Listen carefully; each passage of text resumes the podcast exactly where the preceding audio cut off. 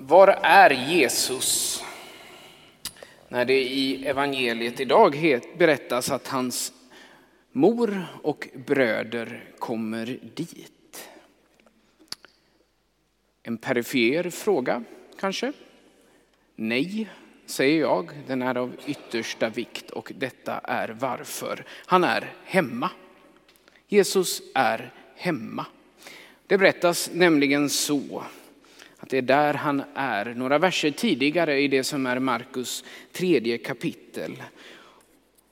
Så här står det, när Jesus kom hem samlades folket på nytt så att han och lärjungarna inte ens kom åt att äta. Vi förstår att det inte var första gången det var på det här sättet. I Markus 2 berättas nämligen om ett annat tillfälle. Det också då kom mycket folk. Så mycket folk kom när det var känt att Jesus var hemma. Att fyra vänner fick klättra upp på hustaket, göra sönder det för att kunna hissa ner sin vän framför Jesus. Det verkar alltså ha varit något återkommande detta, att det kom väldigt mycket folk dit Jesus var och särskilt när han var hemma. Det är inget konstigt alltså. Det märkliga är istället att det är inte Nasaret utan Kafarnaum som kallas för hemma. Men Jesus var ju inte från Kafarnaum. Han var förvisso född i Betlehem men var ju från Nasaret. Det var ju så den blinde utanför Jeriko kände igen honom. Han fick höra det är Jesus från Nasaret som kommer. Livsavgörande för honom. Det var också så demonerna tilltalade honom. Jesus från Nasaret, vad har du med oss att göra? Om ni minns kanske för två minuter sedan så sjöng vi också så. Jesus från Nasaret går här fram. Och hur vi än vrider och vänder på den heliga landet-kartan, vissa av er är så gamla så att ni kanske minns dem från klassrummen, så är inte Nasaret och Kafarnaum, även om det inte är några jättestora avstånd vi talar om, så är det inte nästgårds. Kafarnaum är Kafarnaum, Nasaret är Nasaret. Vad kan det då betyda? Att hemma för Jesus var Kafarnaum och inte Nasaret. Ja, saken är nog den att överallt där Jesus känns igen och tas emot. Det är hemma. Där Jesus söks och efterfrågas, där är Jesus hemma. Där någon längtar efter Jesus, där är Jesus hemma. Där Guds vilja görs, det är att tro på honom och den som har sänt honom. Där är Jesus hemma. Det betyder att här i Johannebergskyrkan idag är Jesus hemma. Och det hade lika gärna kunnat stått att Jesus var i Johannebergskyrkan, att mycket folk var där för att det var känt att han var hemma och att det var dit Maria och hans bröder kom för att tala med honom. Och vi vet ju att det är så att han är här.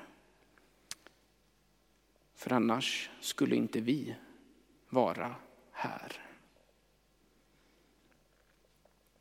Men denna insikt följer också ett ansvar. Det är det som vi hör i episten från Apostlagärningarnas nionde kapitel. En text som egentligen handlar om död, apropå en söndag som har rubrik att leva tillsammans.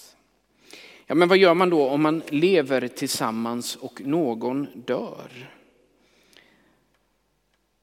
Tabitas, hon som också kallades Dorcas, hennes vänner sörjer. För det gör förstås även kristna. Vännerna grät och mindes sin vän. Det är god mening mänskligt att sorgen får ha sin tid och sin gång. Men sedan står det att de kallade på prästen. I det här fallet aposteln Petrus kan man också gärna göra, säger jag lite försiktigt, för vi är inte så vana vid det, tror jag. Men gör gärna det. Och Petrus gör där hur som helst det som prästen gör i en sådan situation. Han gör den uppståndne Kristus närvaro extra tydlig. Han bad och den uppståndne Kristus blev så närvarande att Tabita fick livet tillbaka.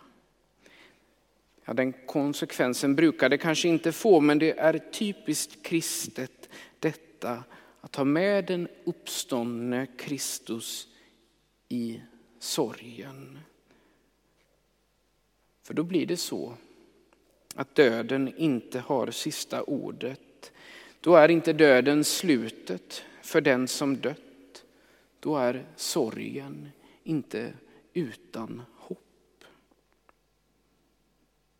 Om man nu likt Tabitas vänner skulle be prästen att komma kan man gärna be prästen att fira mässa och därmed göra den uppståndne närvaro synlig och gripbar i nattvardens bröd som är den uppståndne Herrens kropp och nattvardens vin som är blodet som räddar oss genom döden.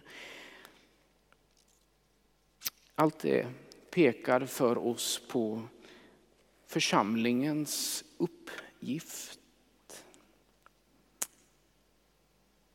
En uppgift som inte bara är din eller min, för då blir det lätt alldeles för skört.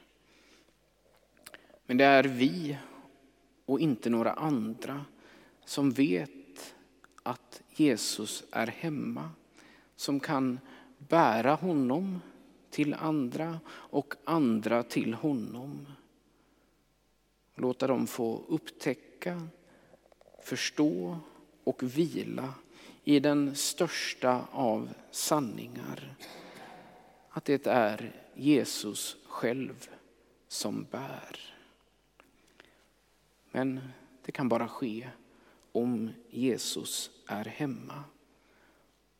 Och det det är han överallt där han söks, tillbeds, efterfrågas, tros och längtas efter.